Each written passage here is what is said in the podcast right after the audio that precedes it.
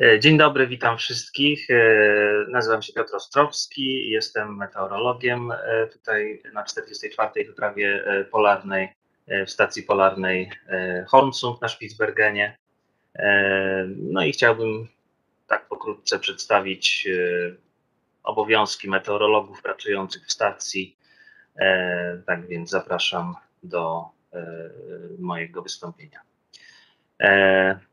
Polska stacja polarna Hornsund e, jest położona w południowej części Spitsbergenu w archipelagu Svalbard, należącym do Norwegii. Mamy tutaj na pierwszym slajdzie współrzędne geograficzne 77 stopni N, 15 stopni 33 minuty E.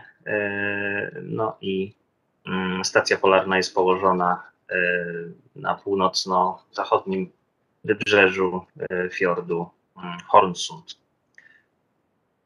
E, krótko o stacji powiem. E, pewnie większość z Państwa e, ma pojęcie o stacji, natomiast krótko opowiem historię stacji. Stacja powstała w 1957 roku. Całoroczne badania prowadzi od 1978. Zarządzana jest przez Instytut Geofizyki Polskiej Akademii Nauk w Warszawie. Prowadzi całoroczne badania naukowe, jest najdalej wysuniętą na północ całą polską instytucją naukową. Prowadzone są tutaj mm, badania naukowe z zakresu różnych dziedzin, między innymi systematyczne całodobowe pomiary i obserwacje meteorologiczne. E, prowadzi, e, prowadzone są również badania sejsmologiczne, rejestracja lokalnych trzęsień ziemi, E, prowadzi się również rejestrację zmian elementów naturalnego ziemskiego pola magnetycznego. Mm, prowadzone są badania struktury jonosfery, mm, które mają na celu określanie oddziaływania cząsteczek i plazmy po wybuchach na Słońcu na naszą planetę. Prowadzi się również badania, e, pomiary mające na celu określenie zmian zachodzących w lodowcach, obserwacje grubości pokrywy śnieżnej. W laboratorium chemicznym prowadzone są analizy składu chemicznego wód powierzchniowych, opadowych a także e, śniegu.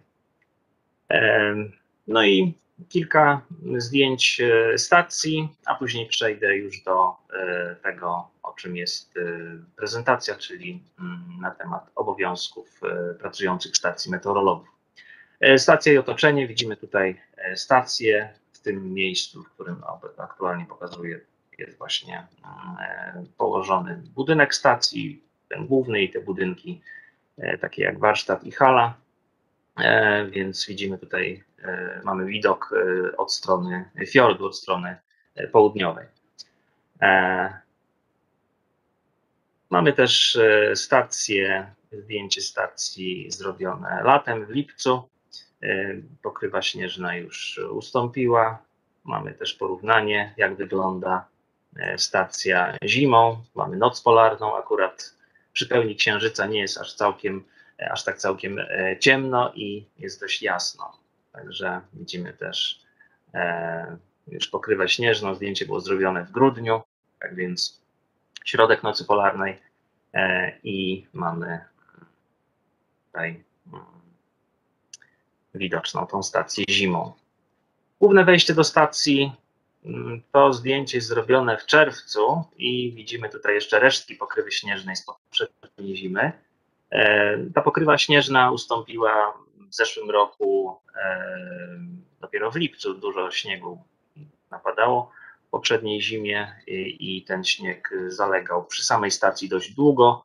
E, przy samej stacji tworzą się zaspy i te zaspy mm, zalegały jeszcze do drugiej połowy lipca.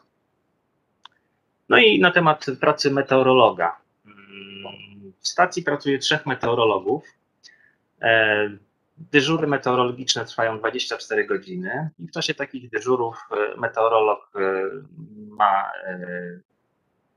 wiele obowiązków. Do tych obowiązków należy obserwacja pogody. Obserwacja pogody pod kątem przede wszystkim zachmurzenia, opadów atmosferycznych, widzialności, i zjawisk, które się pojawiają, takich jak na przykład e, mgła, zamglenie, a także zorza polarna. która jest widoczna w ciągu nocy, mm, zwłaszcza najczęściej zimą. Oprócz tego, że obserwujemy pogodę, to mm, analizujemy pomiary, które są rejestrowane elektronicznie i które odczytujemy e, w komputerach, e, które się znajdują w meteorumie, czyli w takim pomieszczeniu, gdzie, e, z którego wysyłane są mm, depesze. Te depesze są wysyłane co 3 godziny. Te depesze wysyła się do centrali w Oslo, a także zapisuje się je mm, w plikach w komputerze stacyjnym, a także w dzienniku meteorologicznym. Tak więc te depesze wysyłane są o określonych godzinach. Mamy depesze o, co 3 godziny, czyli o godzinie 00 UTC, czyli czasu uniwersalnego, o 3, 6, 9, 12, 15, 18 i 21 czasu uniwersalnego. Tak więc takich depesz w ciągu doby jest 8, e, z czego 4 e, depesze są mm, skrócone, a 4 depesze są e, pełne. E, te skrócone depesze polegają na tym, że się wysyła tylko informacje o e, widzialności, zachmurzeniu, a także pomiarach, czyli temperatura powietrza, widzialność, wilgotność powietrza mm, i zjawiskach, które występują, a te pełne depesze jeszcze obejmują mm, takie elementy jak wartość, y, ilość opadów deszczu, czy śniegu, czy opadów mieszanych. E, e, tak więc y, te depesze są pełne. Pełne depesze o godzinie 6, 12, 18 i 24, a te depesze skrócone o godzinie 3, 9, 15 i 21 czasu uniwersalnego. E, czasu uniwersalnego, tak jak wszędzie się to podaje, Dlatego mm, według czasu lokalnego jest zmiana w czasie letnim o innej porze, w czasie zimowym o innej porze. No, niedługo będziemy mieli e, zmianę e, czasu z czasu zimowego na czas letni, więc te depesze według czasu lokalnego będą wysyłane o innej porze, ale w czasie uniwersalnym nadal, nadal będą o tych samych mm, godzinach. E, no i teraz y, konkretnie o poszczególnych elementach pogody. Na temat opadów. E, mamy pomiar opadów ciekłych, mieszanych i stałych. E, co 6 godzin, tak jak wcześniej wspomniałem, są te pomiary wykonywane, więc meteorolog ma za zadanie e, podejście do deszczomierza i zmierzenie tego opadu, który mm, spadł przez ostatnie 6 godzin. Przy opadach mieszanych i stałych należy odczekać, aż zawartość deszczomierza stopnieje. To jest przelewane do właśnie takiej menzurki i właśnie odczytujemy e, wartość opadu za ostatnie 6 godzin. Tak więc e, co 6 godzin e, jest pomiar opadu. E, dalej mamy pomiar temperatury wody w fiordzie. Raz na dobę się wykonuje. Mm, po mm, prawej stronie mamy termometr, który umożliwia taki pomiar. E, no i mamy zdjęcie fiordu, który akurat, w którym akurat e, jest możliwe wykonanie takiego pomiaru temperatury wody. Zimą mm, często nie, jest, nie ma możliwości wykonanie takiego pomiaru ze względu na dużą ilość lodu, która zalega w fiordzie przy brzegu, e, tutaj przy stacji. Tak więc e, jest niewiele tych pomiarów zimowych, ale przy określonych kierunkach wiatru ten lód spływa w inną stronę i jest możliwość wykonania takiego pomiaru. Latem częściej mm, możemy takie pomiary wykonywać prawie codziennie, chyba że są bardzo silne fale, to wtedy też taki pomiar jest niemożliwy. E, kolejna sprawa to jest pomiar zwierciadła wody podziemnej poziomu wieloletniej zmarzliny. Raz w tygodniu się to wykonuje e, w tej ciepłej porze e, roku, od momentu, kiedy zaczynają być te wody w postaci ciekłej. Mm, zimą się tego nie wykonuje, ponieważ mamy grunt zmarznięty. Raz w tygodniu mm, chodzimy do piezometrów i takim właśnie gwizdkiem hydrogeologicznym mierzymy zwierciadło wody podziemnej i poziom wieloletniej zmarzliny. Kolejna sprawa to pomiar wysokości pokrywy śnieżnej. Wykonuje się taki pomiar dwa razy na dobę. Zapisuje się to w dzienniku meteorologicznym. Także mamy tutaj dane dwa razy w ciągu doby. Oprócz tego jeszcze związana jest sprawa z pokrywą śnieżną, to jest pomiar równoważnika wodnego śniegu. Tu mamy na poprzednim slajdzie, widzieliście Państwo e, taką rurę i wagę do wykonania takiego pomiaru równoważnika wodnego śniegu. E, no i właśnie tu jest e, przykładowy taki pomiar. Raz w tygodniu się wykonuje ten mm, pomiar E, równoważnik wodny śniegu, czyli jest to grubość warstwy wody uzyskanej ze stopienia pokrywy śnieżnej o grubości 1 cm i w zależności od e, mm, wysokości pokrywy śnieżnej, od ubicia tego śniegu, e, czy to jest w zależności od tego, czy to jest śnieg twardy, czy puch, czy przewiany, tak więc te wartości mogą być różne, bo różna ilość wody mm, będzie mm, mogła zostać uzyskana. Inna ilość wody z puchu, a inna ilość wody e, ze śniegu zmrożonego, twardego, e, przez który czasami ciężko się tą rurą e, przebić. Tak więc mamy też takie pomiary. Wykonywane one są raz w tygodniu, czyli pomiar równoważnika wodnego śniegu. Do obowiązków meteorologa, meteorologów pracujących w stacji należy też E, czyszczenie urządzeń, mm, czyszczenie urządzeń, które są w ogródku meteorologicznym.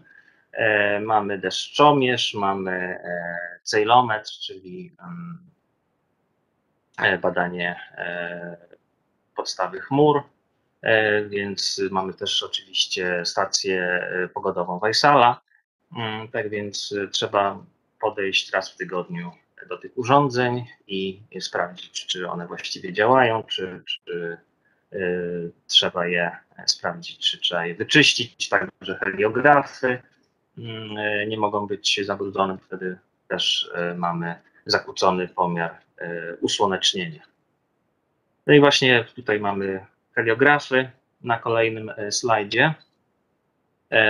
Tutaj widać trzy heliografy, one są tak ustawione w każdym kierunku. No i mamy pomiary usłonecznienia w czasie od 14 lutego do 31 listopada, czyli w czasie, kiedy możliwe jest usłonecznienie, tak, kiedy słońce wschodzi i zachodzi, lub w czasie dnia polarnego również jest wykonywany taki pomiar usłonecznienia. W czasie nocy polarnej oczywiście te pomiary nie są wykonywane. Paski się zmienia raz na dobę, o ile świeciło słońce. Jeżeli obserwator nie zauważy, czy przez cały dzień są opady deszczu, czy opady śniegu mm, i całkowite zachmurzenie, to wtedy się takich pasków nie wymienia. Ale jeżeli świeciło słońce, to paski się wymienia codziennie i odczytuje, mm, jaka była e, długość usłonecznienia w ciągu, w ciągu doby. E, e, te heliografy tak działają, że na tych paskach jest wypalany pasek, wypalana linia przez promienie słoneczne i długość tej linii jest skala, teraz będzie pokazane.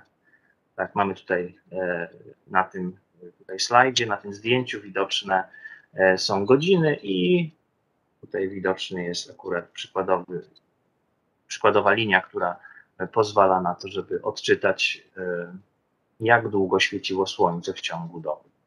Tu mamy akurat e, pasek od godziny 11 do 19 czasu uniwersalnego. E, w czasie, kiedy słońce długo, e, możliwe jest długie nasłonecznienie, to wtedy są takie trzy paski, czyli na wszystkich trzech heliografach są paski założone.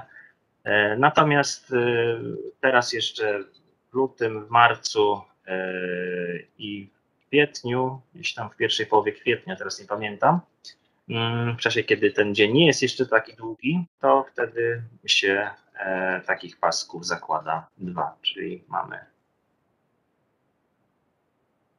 tutaj tak od 11 do 19 i od 3 do 11 czasu uniwersalnego. E, Natomiast w czasie dnia polarnego jeszcze jest pasek od 19 e, do 3 e, czasu uniwersalnego. Czyli mamy usłonecznienie, które jest badane w- stacji. Mamy też ciśnienie atmosferyczne. Oprócz tego, że stacja pogodowa Weissala e, pokazuje nam, e, jakie są wartości ciśnienia w ciągu doby i można je sobie sprawdzać właściwie bez przerwy, to e, mamy też e, barograf, w którym mamy zapisywane ciśnienie postaci linii na specjalnym pasku, który właśnie umożliwia odczytanie wartości e, ciśnienia atmosferycznego. No i taki pasek się wymienia raz w tygodniu, ponieważ mamy tutaj e, skalę, tak on jest skalibrowany, że on działa przez tydzień, mm, pełny obrót i mamy dane dotyczące ciśnienia powietrza. E, Meteorolog, który akurat ma dyżur e, w poniedziałki, bo w poniedziałki się zmienia paski, no to ma do, do obowiązków należy właśnie wymiana takiego paska i nakręcenie e, barografu. E, No, mamy też zapisywanie danych meteorologicznych na dyskach. E, Tutaj mamy przykładowy e, odczyt. Zrobiłem zdjęcie termometru gruntowego, czyli temperatura powietrza przy gruncie. Mm, Mieliśmy najniższą w zeszłym miesiącu, 25 lutego, minus 30 stopni o godzinie 7.19, więc takie dane też są zapisywane w odpowiednich plikach. e, Tak więc mamy dane dotyczące temperatury e, powietrza, e, ciśnienia atmosferycznego, e, wilgotności, zachmurzenia. E, Tak jak wcześniej wspomniałem, też depesze, które są wysyłane co 3 godziny, e, one też są zapisywane w plikach e, i każda depesza jest możliwa do odczytania. Mm, Tak więc wszystkie dane, które się co 3 godziny wysyła mm, i zapisuje, one też są e, w postaci plików, które później można odczytać. Tak więc e, wszelkie dane e, są zbierane, tak? Temperatura powietrza, temperatura powietrza przy gruncie, wilgotność powietrza, zachmurzenie, usłonecznienie,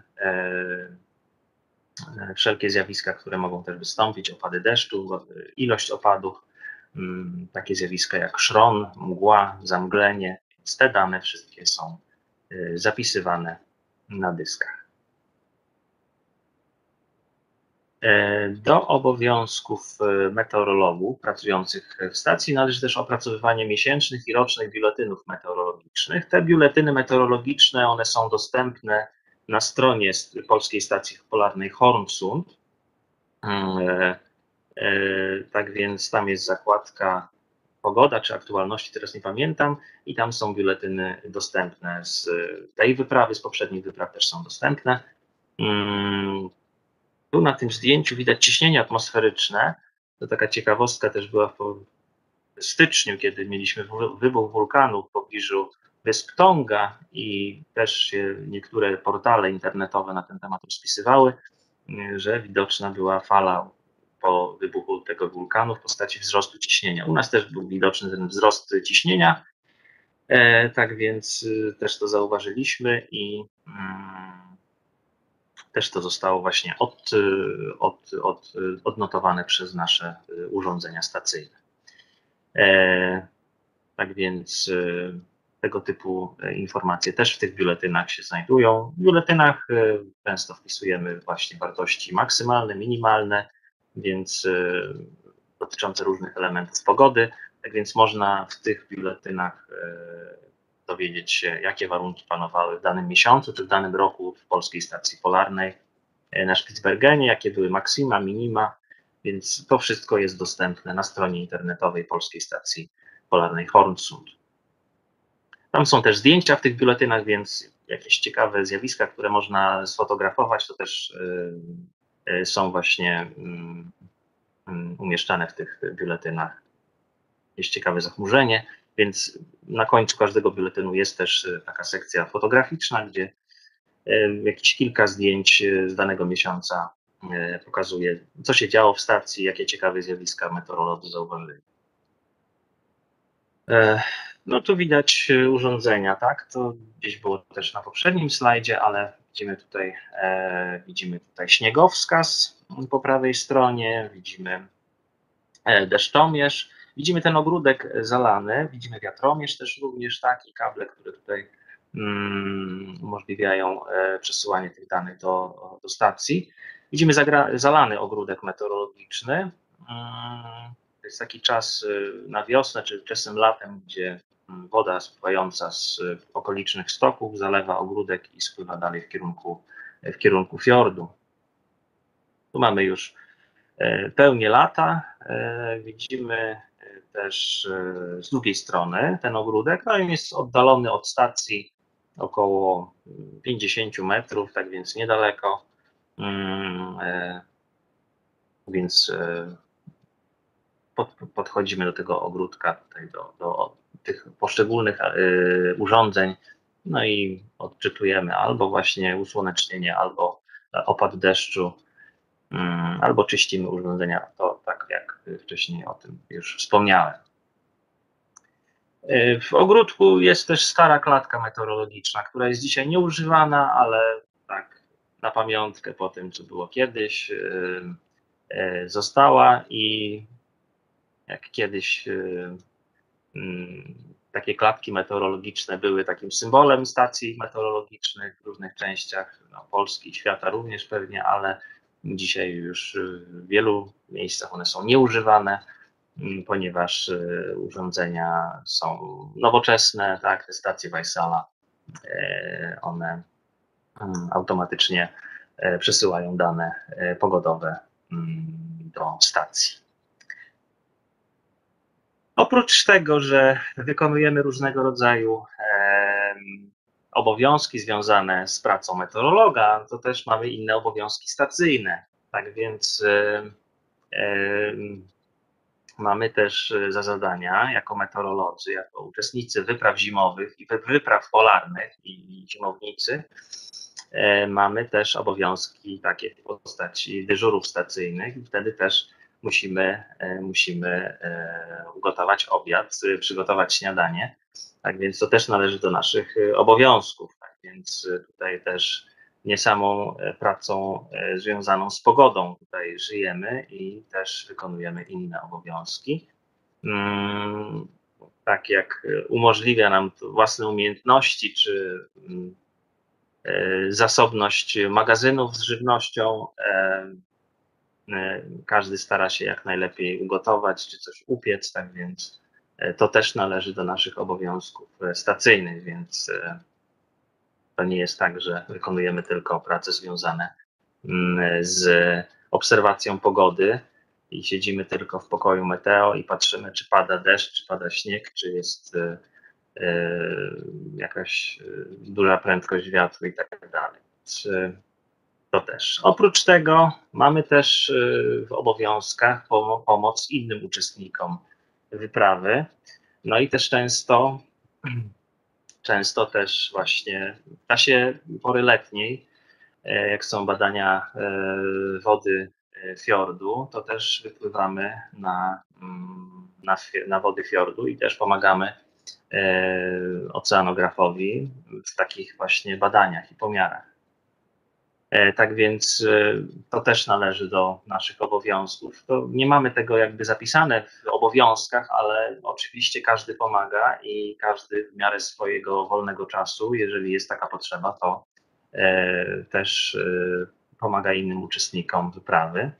Zwłaszcza, że po pierwsze, w przypadku takich badań wody we fiordzie potrzeba jest kilku osób do tego, żeby żeby pomóc w pomiarach, bo jedna osoba sobie nie poradzi, a po drugie, nigdy nie wychodzimy ze stacji e, w pojedynkę. E, tak więc zawsze jest jeszcze druga osoba potrzebna do tego, żeby wyjść ze stacji gdzieś poza teren stacji ze względów bezpieczeństwa. Tak? Spitsbergen jest wyspą, w której żyje, żyją niedźwiedzie polarne Więc to jest też swego rodzaju zagrożenie i z tego względu e, zawsze wychodzimy przynajmniej we dwójkę e, poza obręb stacji e, i w przypadku mm, takich wyjść często też chodzimy po prostu po to, żeby wyjść poza stację i żeby trochę zaczerpnąć świeżego powietrza poza stacją. Tak więc latem szczególnie tych wyjść poza stację jest dużo.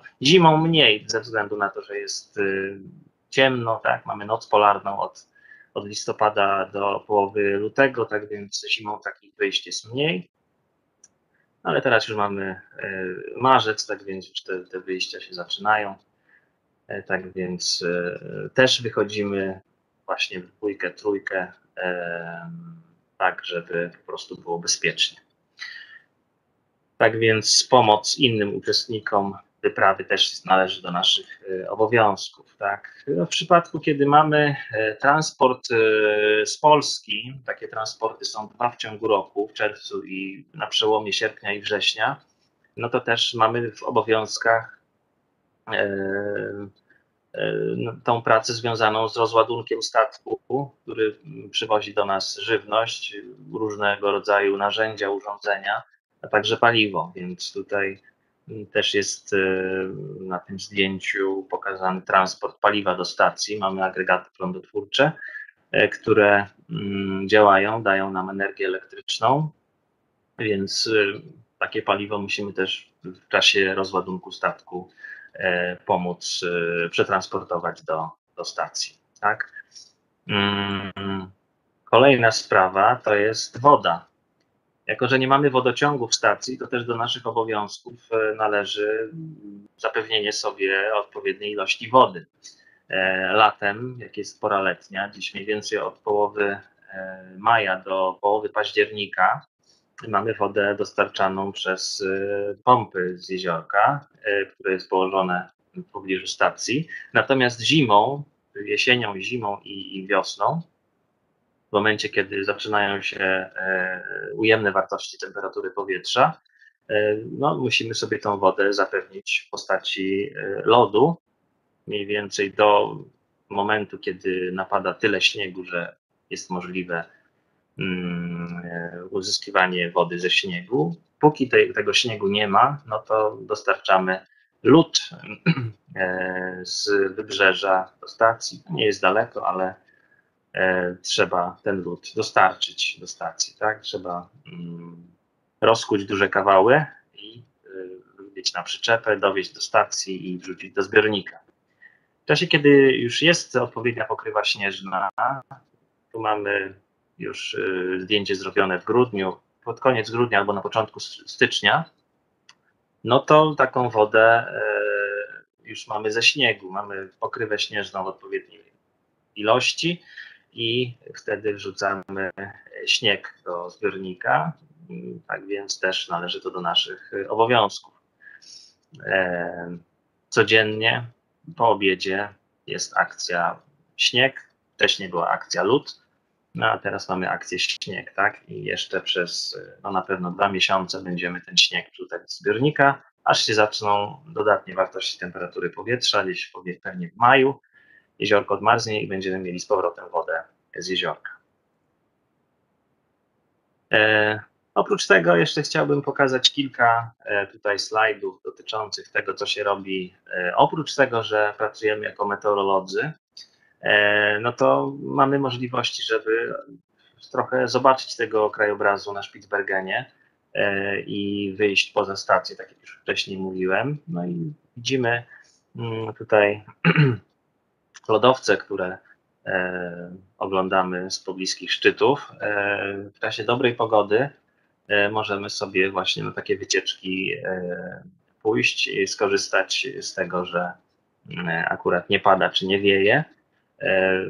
Tak więc korzystamy tak często jak możemy, jak wynika to z naszych innych obowiązków, tak? Jak nie mamy akurat dyżuru meteorologicznego czy dyżuru stacyjnego, no to wychodzimy właśnie ze stacji i korzystamy z tej ładnej pogody. To nie jest tak, że ta ładna pogoda jest często i zawsze.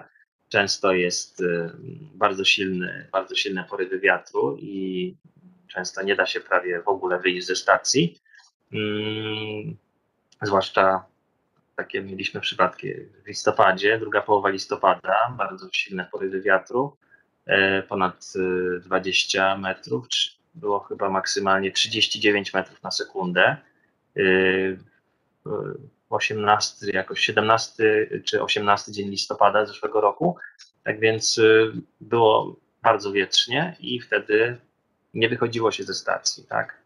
Mm, też w styczniu mieliśmy e, silne porywy wiatru, więc często ta pogoda jest niekorzystna, jeśli chodzi o, e, jeśli chodzi o wychodzenie gdzieś poza stację i nie da się wyjść, nie da się mm, skorzystać e, z tego, co oferuje tutaj południowy Spitsbergen i jakie krajobrazy możemy zobaczyć, ale jak, jeśli można, to wychodzimy. Tak jak wcześniej wspomniałem też, no, w czasie nocy polarnej też się nie wychodzi mm, poza stację, e, gdzieś dalej. Jak już e, słońce zaczęło wschodzić, tak mamy słońce już od 14 lutego, no to już zaczęły się wyjścia i w, można skorzystać z tego, że można pojeździć na nartach, czy gdzieś pojechać skuterem e, śnieżnym, tak więc korzystamy z tego. Tu mamy lodowiec Hansbrain, E, I mamy e, zdjęcie zrobione latem ze szczytu Fugleberger, który jest położony w pobliżu stacji. Można wejść na ten szczyt. E, tak więc widać czoło lodowca. Tak jak wcześniej wspomniałem, badania lodowca też są prowadzone w stacji. Mm, tak więc też dane dotyczące zmian zasięgu lodowca też są E, też są dostępne. I z drugiej strony widzimy, e, widzimy kawałek morza tutaj e, i tak widzimy lodowiec Fuglebren i dalej tam lodowiec po prawej stronie mm, tego szczytu, szczyt Wesletuwa. Tak więc mamy tutaj i morze, i lodowce, tak więc z tego też korzystamy. Byliśmy na lodowcu. Mm, to było chyba w sierpniu, tak więc też tutaj skorzystaliśmy z tej dobrej pogody i, i przeszliśmy na, na lodowiec, tak więc też było, była możliwość e, zobaczenia, jak ten lodowiec wygląda latem. Zimą jest pokryty śniegiem, tak więc e, jest zupełnie inny obraz tego lodowca zimą. Latem widać szczeliny, widać te jego kształty takie dość wyraźne.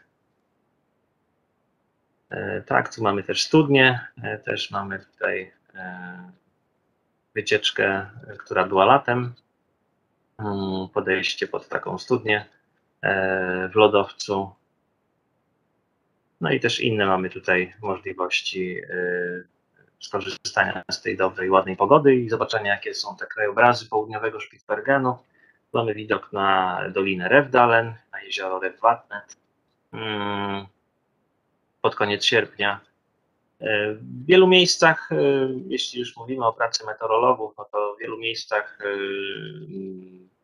ta pokrywa śnieżna zalega przez cały rok właściwie, tak więc przy samej stacji pokrywy śnieżnej nie ma w sierpniu, czy, czy tak już od, właściwie od lipca, mm, lipiec, sierpień, we wrześniu jakieś pierwsze opady śniegu mogą się pojawić, natomiast one nie, nie, nie zalegają, bo, bo temperatura jeszcze jest dodatnia.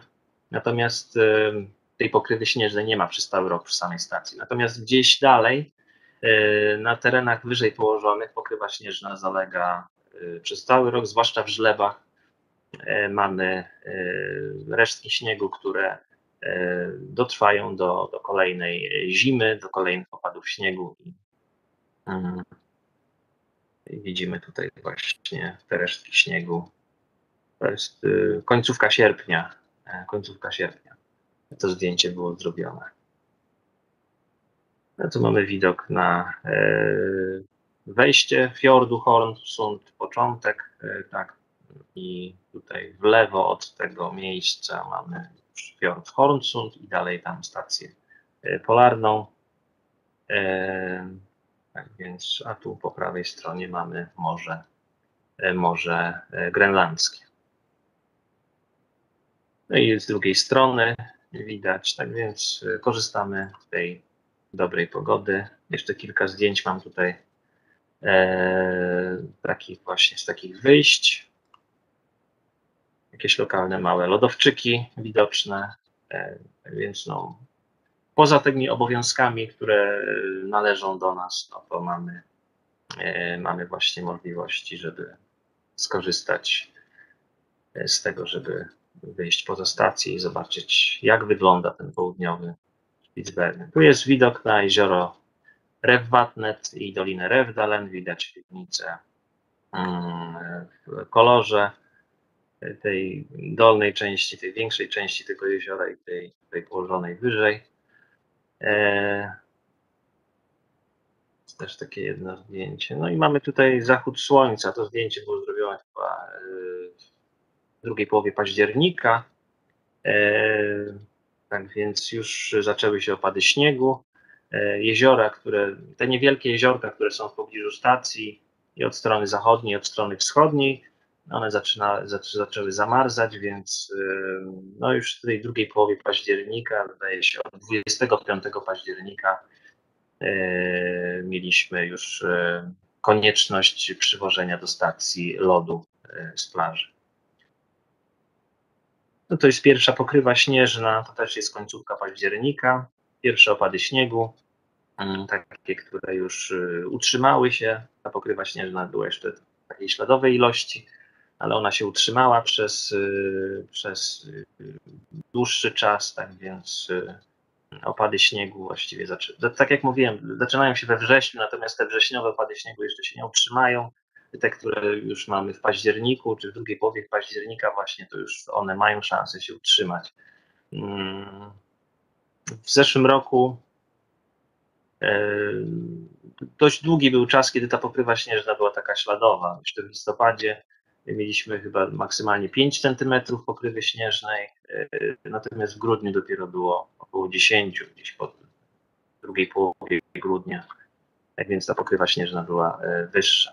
To zależy od roku i, i ta pokrywa śnieżna. No dzisiaj już mamy, dzisiaj zmierzone 49 cm pokrywy śnieżnej, także pół metra właściwie mamy tego śniegu i ciągle dopaduje śnieg, tak więc y, no, mamy marzec i pokrywa śnieżna jest y, dużo, dużo e, większa.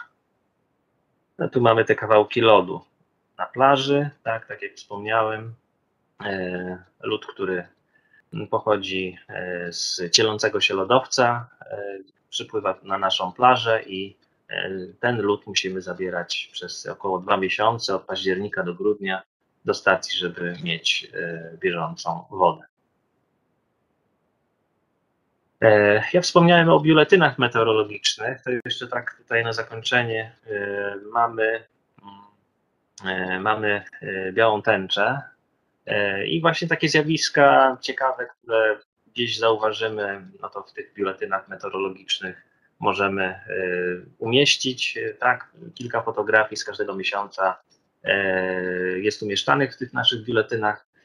E, biuletyn, ostatni biuletyn, to jest, który jest dostępny, to jest biuletyn e, za styczeń. Biuletyn za luty będzie dostępny w ciągu kilku najbliższych dni, także będzie można zobaczyć, co się działo w pogodzie i, i w zachmurzeniu i w zjawiskach takich pogodowych w lutym. Już za kilka dni będzie dostępny biuletyn meteorologiczny za luty. Ostatni biuletyn, jaki jest dostępny, jest e, to biuletyn za styczeń. Jest też dostępny biuletyn roczny e, za 2021 rok, także też zdjęcia z 2021 roku są dostępne w tym biuletynie.